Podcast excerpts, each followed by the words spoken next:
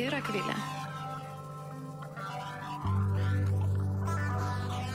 Savaime nesuprantama.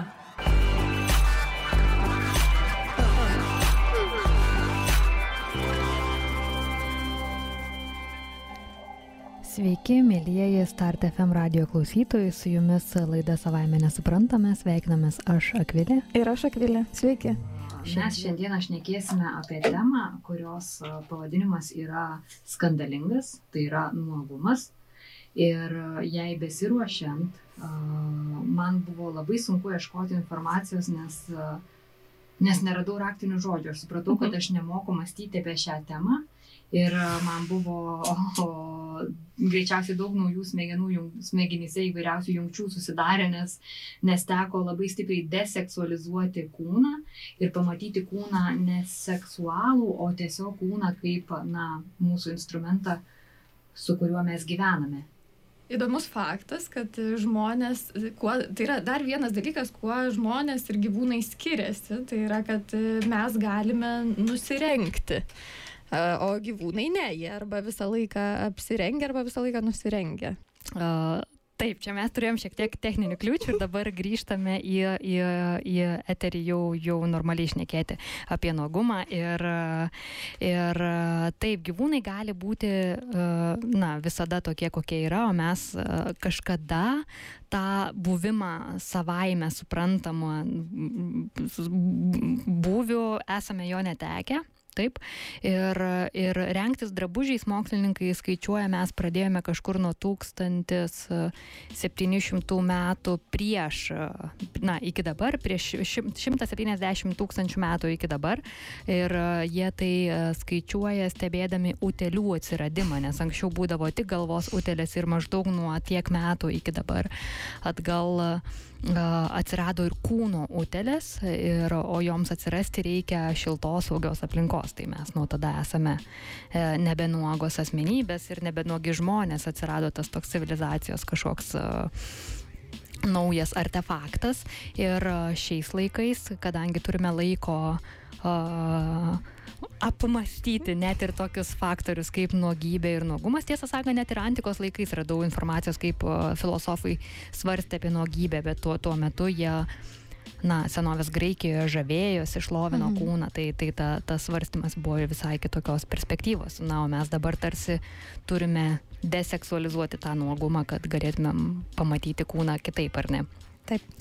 Tai taip, ir kaip mes savo pristatymę, anonsę Facebook'e rašėme, jog iš esmės, jeigu mes tik susimastytumėm, tai visi po savo drabužiais esame nuogi.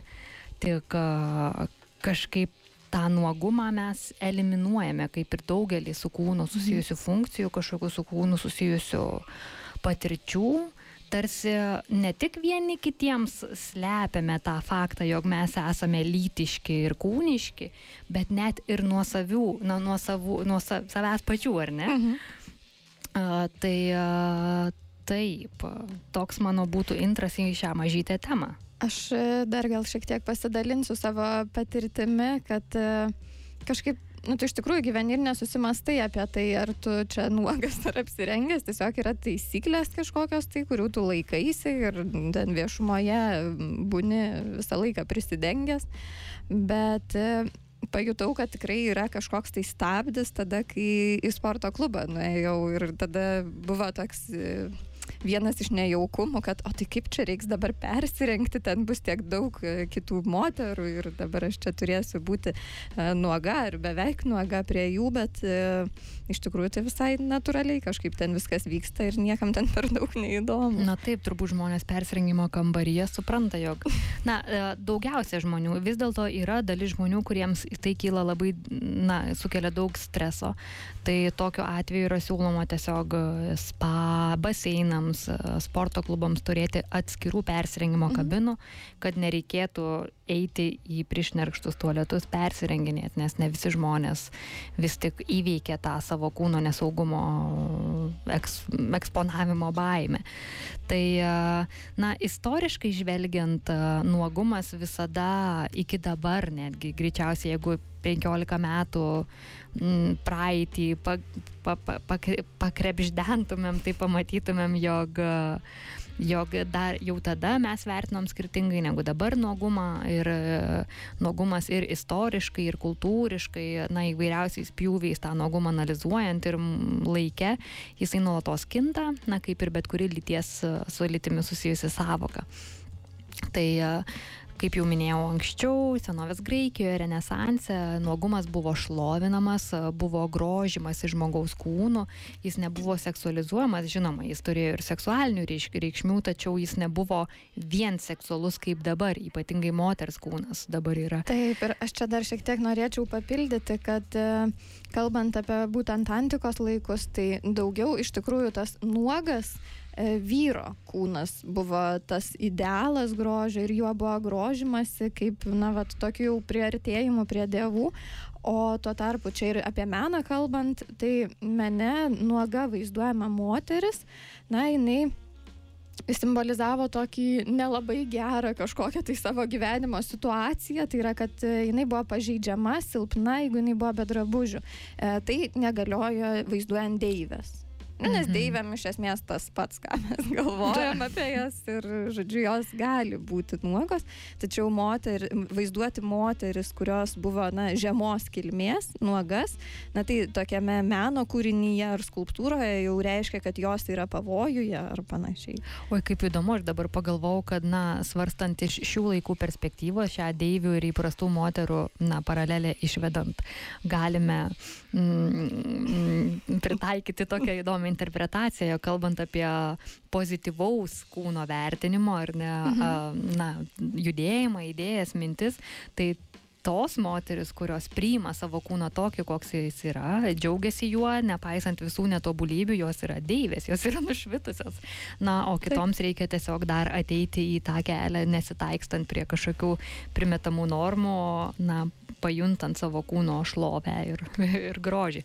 Puiku, bet e, yra tuo pačiu labai keista, kaip mes vis tik kaip žmonija sugebama padaryti tokius vingius, e, šuolius, e, nuopolius savo civilizacijoje, kaip tarkim senovės Graikijoje, jau seniausiai prieš, prieš porą tūkstančių metų šloviname kūną, tačiau štai ateina puritonų laikai, viduramžiai, vėlesnieji, viduriniai viduramžiai, kai atsiranda tie puritonai ir jie per, na, iš didžiulės Dievo baimės, iš žmogaus menkystės įma niekinti kūną ir uh, kuo daugiau drabužių reikia jį dengti ir realiai matosi tik pirštai, veidas ir vyrams ir moteriams tokios pačios uh, taikomos taisyklės ir reikia rengtis kuo pilkesniais, niuresniais drabužiais, kuo tokiais širkštesniais ir, ir, ir nešvelna, storesniais ir tuo pačiu tokios būdavo mm, apykaklės, to, įsivaizduot, mhm. baltos plačios ir jos būdavo tokios kietos ir taip aukštai suvirštos, kad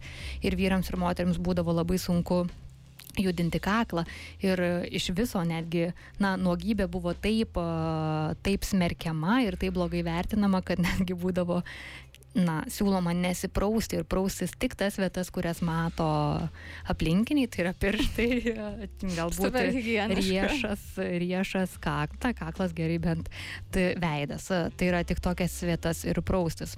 Įspūdinga, ar ne? Ir štai vėl mes nuo tų puritonų kažkaip atsispiriame ir, ir, ir atkeliaujame į Kardašianų laikais, laikus. Taip. Tai aš čia gal šiek tiek dar e, pridėsiu apie tokį pamastymą apie meną ir e, šiais laikais iš tikrųjų tas nuogas kūnas, ne tik šiais laikais, apskritai visais meno egzistavimo laikais, mhm. nuogas kūnas buvo viena iš priemonių uh, perteikti vizualinę kažkokią, tai vizualiai perteikti idėją. Uh, ir iš tikrųjų dabar yra, na, uh, toksai keliamas klausimas e, šiais laikais, kai na, tam tikri meno kūriniai gali būti cenzuruojami, e, kaip tarsi pernelyg užjautrinantis žiūrovo akį kyla toksai klausimas, na tai kur yra ta riba tarp nešvankybės ir meno. Ir iš tikrųjų atsakymo kažkokio tai vienbalsio į, ar nežinau, lakmuso papirėlio nustat, tai nustatyti iš esmės nėra. Todėl kad e, tos ribos yra na, kiekvienam žmogui individualios, bet tuo pačiu ir vis tik tai na meno funkcija yra šokiruoti viena iš funkcijų šokiruoti priversti pamatyti kitaip susimąstyti todėl na menininkai mm, iš tikrųjų ganėtinai taip aršiai gina tą teisę savo kūriniuose rodyti nuogą žmogaus kūną, kurį mes visi turime po drabužiai.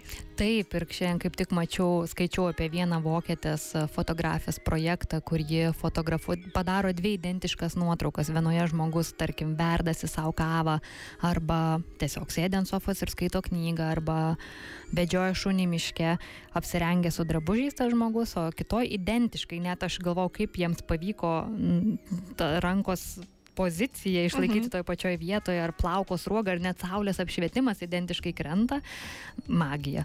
Tai ir nuogo žmogaus mhm. nuotrauka, tai čia grinai iš tos paskatos nuimti seksualizaciją ir atverti kūną ir menui, ir kitam žiūros taškui, ne vien per tą tokį kažkokį gašlumo ar būtinai tos seksualinės funkcijos tašką.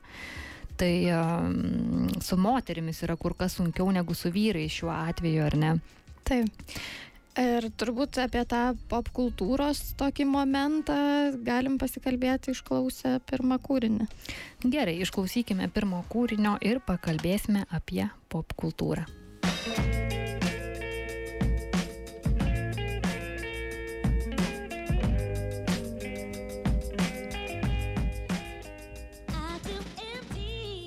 Beklausydamas muzikos svarsime, su kokia tema grįžti į eterį. Žadėjome, jog grįžime su popkultūra, tai tą tuo jau ir padarysime, tik prieš tai dar šiek tiek aptarsime moterų klausimą. Beje, primenu su jumis Start FM ir, ir savaime nesuprantama.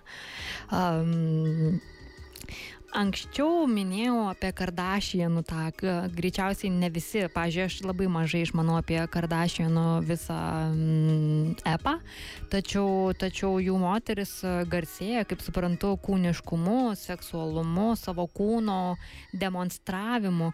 Ir aš... E, Taip ir iš to uždirba didelius pinigus, turi labai daug sekėjų, ten Facebook'e, Instagram'e ir panašiai. Atlikėjos, jos nėra aktorės, jos yra tiesiog... Kiek žinau, ne bet čia aš irgi ne mhm, ekspertas, mhm, bet kaip suprantu, kad tai yra daugiau iš realybės šou žvaigždės. Mhm, supratau. Žodžiu, Na, pataisykite, bet... jeigu klystam. Taip, taip, apšvietė. Nepadarėm darbų spragas.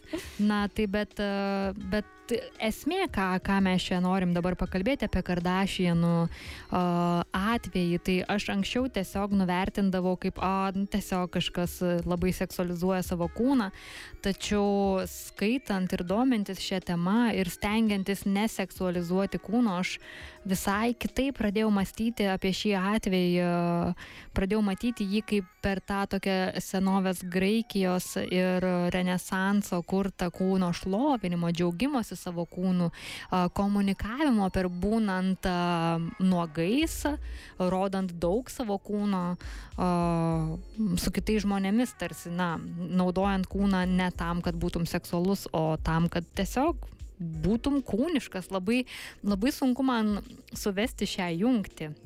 Mhm. Nes aš vis tiek, net ir tiek straipsnių atrodo, tiek valandų praskaičiusi apie neseksualizavimą, vis tiek seksualizuoju. Mhm. Ir, ir tai atveda į greičiausiai labai tokią įsišaknyjusią kultūrinę normą, kuomet ypatingai moters kūnas yra labai seksualizuojamas ir greičiausiai galime tą labai gerai atspindėti, kalbant apie maitinimą krūtimi, kuomet moteris susiduria su labai daug smerkimo už maitinimą krūtimi Viešumoje, jo, viešumoje, taip, arba maitinimą krūtimi, tarkim, dvimečius vaikus, kuomet tie vaikai ir mama, jie, na, nėra vertinami kaip bevalgantis kūdikis ir bemaitinanti mama, tačiau viskas yra seksualizuojama, krūtis yra seksualizuojama, o tuo tarpu vyro krūtis yra visiškai neseksualizuojamas, tiesą sakant, praleidau besiraždama šiai laidai labai daug laiko bandydama suprasti vyrų krūtų paskirtį Tai yra įdomu tai, jog būna situacijų, kai ir vyrų, vyrų krūtis išskiria pieną, laktuoja. Taip, taip pat lygiai taip pat ir moterų ir vyrų speneliai yra erogeninė zona ir lygiai taip pat vyrams tunkant jiems atsiranda krūtys, tačiau tiesiog kadangi brendimo metu jiems neatsiranda vienas hormonas, tik dėl to jos neišdidėja. Tačiau techniškai žinom iš translyčių žmonių pavyzdžių, kad veikiant hormonais arba pasikeitus skydliaukės veiklos kažkokiams aplinkybėms vyrams irgi gali išaukti krūtis. Na tai esmė ta, kad kažkokiu būdu mes moters krūtis seksualizuojame, vyro krūtų neseksualizuojame Ir iš tikrųjų tai net neišaukti krūtis, o padidėti, nes krūtis tai jie jau turi. Taip, taip, taip. Ir įdomu tai, kad, na, realiai taip grubiai žiūrint į biologiją, tai embrionas į, iki tam tikros savaitės, na, ten pirmosios, iki dešimtos atrodo kažkurios savaitės, iš pradžių būna tiesiog, mo, turi, na, moterišką lytį ir tik vėliau atsiranda vyriškoji lytis, dėl to tos krūtis ir pasilieka. Na, įdo, įdomus žmogaus kūnas yra, tačiau mes jį kažkodėl taip, na, varžome ir, ir, ir kitas. Ir skirtingai vertiname. Ir skirtingai vertiname, dvigubus standartus klyjuojame. Ir aš pati neįsivaizduoju, kaip būtumėm, kaip kas turėtų nutikti visuomeniai, kad moteris galėtų lygiai kaip vyrai vaikščioti nuogomis krūtomis, mhm. paplūdimiuose, tiesiog mieste per šventę, tai užsimetus marškinėlius ant pečių, nes karšta. A, tačiau vyro kūnas, na, kai tuo tarpu moters kūnas yra seksualizuojamas, vyro kūnas yra, na, lygiai tą patį gali daryti, tačiau tačiau tai gali būti kaip humoras, tai gali būti tiesiog grožėjimasis atletiškumu, grožėjimasis, na tarsi tas kūno šlovinimas iš Graikijos laikų ateina, jeigu štai puikus vyro kūnas. Vis dėlto uh, tuo pačiu nuogumas yra didžiausio nesaugumo žmogaus, ne tai kad įrodymas, bet įrankis, kaip būti, kaip jaustis slopinamam, užgožiamam, kažkaip valdomam, kontroliuojamam ir moteris tą labai stipriai jaučia. Tačiau šiais laikais ir vyrai po truputį ateina į tą, į tą na, kūno kaip represijos įrankio, kaip opresijos įrankio situaciją, nes yra keliami vis didesni vyrų kūno reikalavimai su visais ekspakais ir kitais raumenų Taip, ir mes didinimais. Apie, apie gro, laidoje apie grožį kalbėjome apie tai, kad na, ir ta pramonė grožio jau gerokai taip taikosi ir į vyrus. Ir tie pelnai ir uždarbiai ir vyrams skirtų įvairių produktų irgi auga nuolat. Taip, taip, taip, bet vis dėlto tas nuogumas vyro nėra tiek seksualizuojamas galvojimas, na, greičiausiai čia yra dar kitas žingsnis, o gal ir nebus, nes, nes tas nuogumo, moters nuogumo baimė iš esmės yra galios, pokalbis apie galę, nes tas moters nuogumas dažnai yra traktuojamas kaip nusižengimas, kažkoks moralinis nusižengimas, nusižengimas kažkoks pažeidimas, priežastis nerimui, diskusijai, už tai labai daug a, yra moterų rengimosi cenzūrų ir mokyklose, universitetuose, darbovietėse, gatvėse, su kokiom tamprėmis jos gali eiti, kokio ilgio sijonai turi mhm. būti, kokio storio petnešėlės turi būti, na tarsi kaip turi būti surišti plaukai, kad vyrai nebūtų a, gundomi. Mhm. Ir, ir tarsi atsiranda kita problema, jog tas nuogumas vėlgi jis yra seksualizuojamas ir tarsi paneigiama idėja, jog gali būti seksualinės prievartos atvejai ir apsirengus. Tai, na, čia jau ta kita problema atsiranda, jog, jog moters kūnas ir moters apranga yra kaltinami už vyrų elgesį, už savo impulsų e, nekontroliavimą. Taip. Aš čia gal dar į tą pačią temą šiek tiek pridursiu e, apie tas kitas cenzuravimo priemonės, tai tarkim Facebookas mhm. E, ir jo tą taikomą politiką, kur mm, yra cenzuruojami speneliai ir moterų speneliai ir dėl to tiesiog kai kurios netokios suinteresuotos grupės gali prarasti savo auditoriją tai ir tie patys menininkai, sakykime, jeigu jie yra ir iš tikrųjų paskaičiau netgi, kad, žodžiu, tada, kai tu uh, įdedi į Facebooką nuotrauką, kuri rodo kažkokį tai kiekį nuogumo, kurį Facebooko mechanizmas atpažįsta kaip netinkamą, tu patenki į Facebooko kalėjimą. Tai reiškia, kad, na, iš esmės tavo paskyra yra praktiškai deaktyvuojama, tu negali nieko daryti, negali uh, spausti patinka, negali rašyti žinučių, gauti ir panašiai. Tai jeigu tu esi menininkas ir tu įdedi kažkokio tai akto uh, nuotrauką savo kūrinį, uh, tai iš esmės tu gali būti, na, visiškai atjungtas nuo savo vartotojų ir būti nebepasiekiamas savo auditorijai. Dėl to, na, tos žmonių grupės jos labai priešinasi. Ir uh, iš tikrųjų ne, ne, tik, uh, ne tik menininkai, bet ir aktyvistai įvairūs, kaip žinom, naudoja savo kūną kaip na, protesto. Kaip ginklą, kaip įrankį pasakyti nuomoniai. Taip, sekso terapeutai taip pat gali įsidėti reklamai, na kažkokį tai vaizdą tokį. Litiškumo edukatoriai gali irgi naudoti kažkokį tai, na, tokį provokuojantį vaizdą ir jie lygiai taip pat bus užblokuoti. Bet tuo pačiu tai, na, ar tai yra provokuojantis vaizdas, tai ir yra didysis klausimas, mhm. nes, nes mes vėlgi, tarkime, edukacinę medžiagą imame traktuoti kaip seksualią medžiagą. Tai. Mes tiesiog kūnas, ypatingai moters kūnas, nes čia yra apie moters spenelių, spenelių atvejį. Uh, Uh, atsi, na, jis nebegali būti pateiktas nei viena jokia kita forma, mhm. išskyrus seksualia. Čia lygiai taip. taip pat kaip vyrai negali prisiliesti prie moters jokių kitų būdų, tik seksualiu, taip lygiai moteris, na, kas jai bebūna būti, išreikšti save seksualiai, nes visai kitaip yra irgi netinkama. Ir tas didysis toks filosofinis klausimas šio, šio, atveju yra keliamas ne, ne apie tai, ar, ar ar moters kūnas gali būti na, neviliojantis ar viliojantis, kada kaip čia, na, apie tuos visus klausimus, bet mm, kas turi teisę nuspręsti, kaip, kada, koks ir kodėl kūnas gali būti demonstruojamas mhm. ir, ir kas turi vertinti, ar jisai yra seksualus ar ne. Taip. Ir čia vėlgi klausimas neturintis atsakymo, kaip ir, ir dėl meno, kada... Iš tikrųjų, toks tai komentaras buvo viename iš skaitytų straipsnių būtent apie tą Facebooko cenzūrą, kad, na, um, iš tikrųjų Facebookas atlieka daug geresnį darbą, e, tai yra daug geresnį darbą blokuodamas įvairias nuogybės formas, negu kad, e, na, kovodamas su neapykantos kalba, ekstremizmu, su klaidinga informacija. Ir e, iš tikrųjų, kad kartais ar spenelis yra menas, ar pornografija, ar protestas, nuspręsti sunku netgi žmogui, kuris, na, rankiniu būdu turėtų tai daryti, o ką jau kalbėti apie dirbtinį dirbtinį intelektą, e, išmokyti būtent atskirti, kur yra ta riba. Tai iš tikrųjų ta riba yra ganėtinai na, plona ta linija. E, ir dar norėčiau e, taip pat pridėti, kad e, Facebookas yra, yra keli būdai, kada Facebookas necenzuruoja. A, tai yra e, maitinimo krūtimi nuotraukų, necenzuruoja, e, tarsi ne, neblokuoja e, mastektomijos randų, tai yra kai po krūties vėžio, sakykime, yra pašalinama krūtis, tai šitai irgi galima rodyti, e, gimdymo filmuotos medžiagos paties gimdymo, nors tai yra na, rodomos moters genitalijos. Ir e, taip pat lyties keitimo operacijų, na, tarkim, prieš po ir panašiai, taip pat e, blokuoti neturėtų.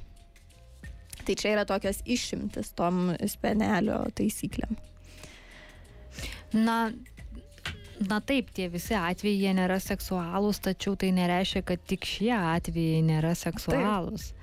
Taip, taip, bet, bet būtent šiem atvejam yra taikoma ta išimtis, o visiems mhm. kitiem anksčiau minėtėm tos išimties nėra, na ir iš tikrųjų žmonės e, ten kovoja su, su, su visa ta Facebooko politika, norėdami nepri, neprarasti savo auditorijos, savo klientų ar panašiai.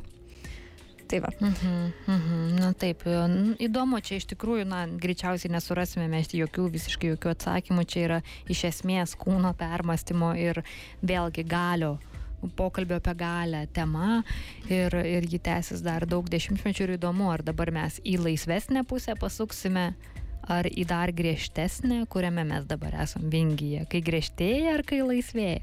Nes dar 1920-aisiais būdavo Amerikoje pavyzdžiui, kai tuo tarpu Vokietijoje užgiminėjo pirmieji nudistų Vokietijoje ir Britanijoje, jeigu tiksliai kalbant, nudistų judėjimai, nudistų pacifistų, naturalistų, taip ten buvo uh, maudimosi kostiumėlių kontrolieriai paplūdimiuose, kur mhm. tikrindavo, kiek nuo moters kelio iki maudimosi kostiumėlio, na, nes jie būdavo tarsi sijonėliai, yra tarpas, nes būdavo tam tikras centimetrų kiekis, bet žinoma, na, jie nekontroliuojamai trumpėjo, trumpėjo, trumpėjo, trumpėjo iki stringų. Tai. tai. Dar turbūt galima, kalbant apie moters kūno seksualizavimą, pakalbėti ir apie kiną ir kino industriją. Tai turbūt, kad kiekvienas, kuris žiūri filmus, yra pastebėjęs tokį reiškinį, kad e, nuogų moterų ar apsinuoginusių moterų filmuose yra gerokai daugiau negu kad vyrų. Ir iš tikrųjų manoma, kad yra kelios tokios na, priežastis. Čia tiesa, nereikia net kažkokių ypatingų tyrimų, tai na, matosi ir plika akimi. Taip, statistiškai. Ypatingai žiūrint tokius populiariuosius filmus. Ne, mhm. ne, ne tuos nišinius, o tuos populiariuosius, na, kurių, kurie ir pasiekia didžiausias auditorijas. Tai manoma, kad yra kelios priežastis, kodėl taip yra. Tai viena iš jų galėtų būti, kad dauguma režisierių ir scenaristų yra vyrai. Tai jau savaime nulėmė tokį, kad, na, moteris bus parodomos. Kaip objektai. Taip. Mhm. Na, gal čia blogai pasakiau, ne savaime nulėmė, bet gali būti vienas iš tų veiksnių, faktorių, kodėl tai nutinka. Mat, nu, vėlgi. Taip, mhm. taip. Uh, ir antras tai toks labai sakyčiau, techniškas, kad moterims reikia mažiau nusirengti, kad jos atrodytų apsinuoginusios. Tai čia kalbant apie tą nusirengimą iki pusės. Mhm. Jeigu vyras yra nusirengęs viršutinę kūno dalį, atsidengęs, jis nėra nuogas. Tačiau moteris, jeigu rodo savo krūtis, tai na, jau yra na, mažų mažiausiai pusnuogi. Tai va, tai yra tokios kelios tos priežastis. Na ir apskritai tokie įdomus pamastymai, kad iš tikrųjų moterų apsinuoginimas filmuose yra traktuojamas, na, kaip toks savaime suprantamas dalykas. Kartais jisai iš tiesų atrodo perteklinis. Turbūt tikrai yra tekę matyti ne vieną filmą, kai tiesiog žiūri, žiūri ir staiga ta, ta nuoga moteris netrodo, nu kam čia iš to reikėjo. Tarsi tai neprideda jokios meninės vertės filmui. Mane toks jausmas apimdavo kai kuriuos ispanų filmus žiūrint, kur tiesiog švystelis tos krūtis ir atrodo, ką, ką tai pridėjo dabar dabar. Taip, tai na, tas jau tas nuogumas tampa banalus, jis nebeturi tai... nei seksualizuotas reikšmės, nebeturi ir kitų reikšmių, nes, nes, de, nes nėra sukūriamos naujas reikšmės, tiesiog jau darosi nuobodu žiūrėti į. Taip. O tuo tarpu e, vyro nuogumas, tai čia aš kalbu daugiausiai apie penio parodymą ekrane, tai yra retas pakankamai reiškinys ir naudojamas nedaugiau šokiravimui. E, ta prasme, jisai toksai, jis yra paka, toks retas, kad na, vis tiek taip oh, atsitinka toks momentas. Kaip čia dabar taip e, staiga vatėmė ir parodė visiškai mm -hmm. nuogą vyrą. Mm, ir kodėl dėlto, taip yra? Kodėl taip yra, sunku pasakyti. Gal e, tiesiog tie režisieriai ir filmų kuriejai, kurie dominuoja industrijoje ir kurie vis dar nesitraukia iš savo gretų, na, bijo, bijo būti palaikyti gėjais. Čia mano yra pokštas ir visiškai įsivaizduoju yra kita priežastis, bet biški tiesos bet, yra. Bet biški tiesos tame yra, todėl kad e, visokių iš tikrųjų spekulacijų ir pamastymų šitą temą yra ir kad e, apie tai, kad tiesiog kinas dar vis turi užuominų į tą vyro žvilgsnio teoriją. Mhm. Uh, tai, gaze, taip. taip, tai reiškia, kad, na, čia ir apie meną kalbant, ir apie kiną, tai tarsi yra tokia teorija, kad jis, šie, šie dalykai yra kuriami tarsi vyro žvilgsniui, pataikaujant vyro skoniui, sakykime taip. Ir jiem... heteroseksualaus, taip, na, to tradicinio, nelabai ne, ne egzistuojančio vyro žvilgsniui. Nes... Taip, tai, žodžiu, žodžiu, rodoma tai, kas jam yra malonu matyti. Vis dėlto yra nemažai straipsnių, kurie na, sako, kad dabar šiais laikais jau mes nebelabai galime kalbėti apie tą vyro žvilgsnį, na, bet šiokių tokių minčių sukelia tai, kad gal na, neįprasta, nemalonu gali būti matyti staiga ekrane švystelint tą penį. Bet tuo pačiu yra ir labai nemažai straipsnių, kur rašo ir vyrai, ir moteris, kad, o tai kodėl ne, mes visai neprieštaraujam, gali ten kartais ir švystelti ekrane. Tai va, tai ir be abejo, čia aš taip juokai sakau, bet e, tai turėtų na, turėti kažkokią meninę vertę tas nuogas kūnas ir ne, nebūti naudojamas kaip tiesiog pipiriukų užbarstimas e, į patiekalą. O, atsibodo moterų kūnai, gerai, prašom daugiau taip. penių. Taip, taip. Tai, na, greičiausiai nebūtų kažkoks sprendimas permastint ne, kūno deseksualizavimą. Taip.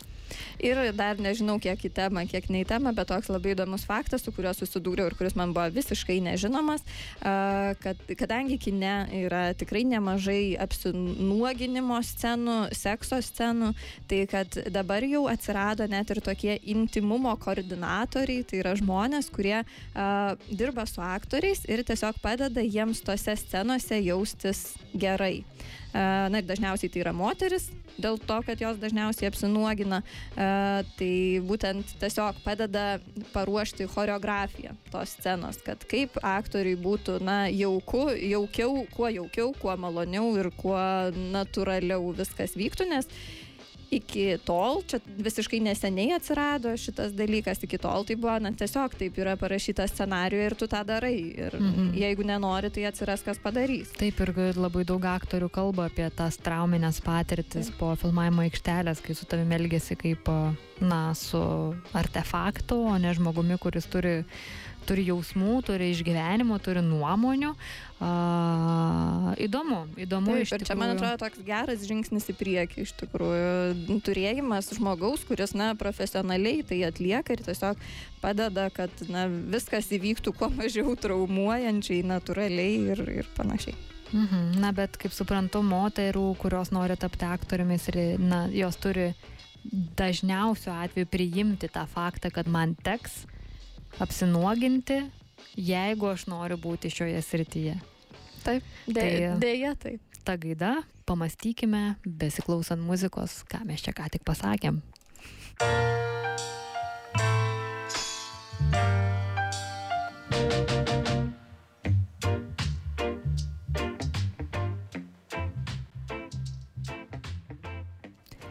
Sveiki sugrįžę į Start FM eterį, su jumis savaime nesuprantama, bei dvi akvilės ir nuogybių temos. A, laidos pabaigai. Galėtume pasakyti, kad mes čia sėdime išsirengusios, bet Facebook transliacijoje matosi, kad ne. Taip, dėja, negalim prisimeluoti iki ausų. Mm, ne, mes su akvilė nesame nudistės, tačiau dabar pašnekėsime apie nudizmo judėjimą, apie kurį jau užsiminiau, jog jis a, ėmė viešėti ir klestėti apie 1920-uosius, na, po pirmojo pasaulinio karo ir prieš antrąjį pasaulinį karą, tiesą sakant, kadangi daug vokiečių, jis gimė Vokietijoje ir Didžiojo Britanijoje, šiauriniai Vokietijoje ir pietiniai Didžiojo Britanijoje. Ir um, kadangi daug vokiečių emigravo į Ameriką, tai jisai persikėlė tuo metu ir į Ameriką, į tą su maudimosi kostiumėlių kontrolierių a, turinčią Ameriką. A, tačiau kokia nudistų idėja buvo tiesiog džiaugti savo kūnais, leisti kūnui būti gamtoje, a, dermėje su gamta, ventiliuotis, na tiesiog leisti kūnui gauti saulės, grino oro, maudytis ir mėgauti savo atletiškumu. Ir įdomu tai, jog Arba nebūtinai atletiškumu. Mm, ta prasme, tiesiog fiziškumu gal, nes e, nudizmas tinka absoliučiai visiems, tiek labai atletiškiam, tiek visiškai neatletiškiam. Aš net, net, net, net atsiprašau už netinkamai vartotą žodį. Bet e, kuo man įdomus tas nudizmo atsiradimas, jog jisai sutapo su Hitlerio ateimu į valdžią ir man, na, na nesinori šaipytis, tačiau Hitleris ir nudizmas nu, visiškai nesisėja. Mhm. Ir vis tik jis priėmė nudizmą kaip puikų puikų reiškinį, nes tai siejasi su jo arijų ideologija, jog štai mes turime džiaugti savo arijų kūnais ir, na, puoselėti juos ir, ir na, m, taip toliau ir taip toliau. Tačiau ilgainiui suprato, kad nudistai yra dar ir pacifistai, o tai visiškai jau priešinosi jo kitai ideologijai. Tai nors nudizmo jisai ne, e, nesunaikino, e, vis dėlto buvo griežtai draudžiama homoseksualiems žmonėms, žydams, romams, bet kam, kas kas šiek tiek skiriasi nuo vokiečio dalyvauti ten, už tai buvo užslopintas ir uždusęs šis judėjimas, nes žinoma, jisai iš esmės e, kirtosi su savo idėja, tačiau nudizmas dar ir dabar jisai vis, vis bunda, jis vis bando būti neseksualizuojamas ir jam tai ne visada lengvai sekasi daryti, bet jis ir iki dabar yra pacifistinis ir a, bandantis kalbėti apie kūno neseksualizavimą ir apie sutikimą žiūrėti vieniems į kitus neseksualizuojant, nesitikint kažkokių seksualinių veiksmų, o tiesiog džiaugiantis vieni kitų kūnais ir labiausiai apie tą buvimą patogiai savo kūne ir ne apie vepsojimą į kitų kūnus. Na, mes e, kalbant apie, apie nuogumą, dažniausiai kirtį dedame apie vepsojimą į kito kūną, o ne buvimą patogiai savo kūne. Taip, aš e, čia gal dar papildyčiau šiek tiek, kad e, na, netgi nudistų klubai uh, turi tokius, uh, taip pat turi taisyklės.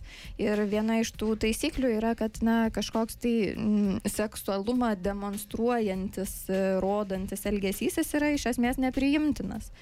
Ir uh, Čia yra vienas iš, na, tokių mitų apie nudistus, kad tai būtinai susiję kažkaip tai su seksu, svingeriais ar panašiai, bet iš esmės tai neturi e, tikrai nieko bendro. Na ir keli patarimai, e, ko reikia, kad taptum nudistu, tai yra tokios kelios taisyklės, kurias irgi išgauglinau. Tai yra, kad visada reikia turėti rankšluosti, nes ant jo yra sėdima ir prisidengiama išeinant, e, kai ten, kur jau reikėtų būti su drabužiais, taip pat reikia turėti saulės kremą, dėl to, kad na, mes paprastai būname su drabužiais ir kūnas nėra pratęs gauti tiek daug saulės spinduliuotės, reikia tiesiog saugoti savo odą. Ir taip pat reikia priklausomai nuo aplinkybių turėti purškalą nuo vabzdžių, nes kaip žinia, būnant be drabužių, tai tada atsiranda dar daugiau ploto, kur galima įkasti.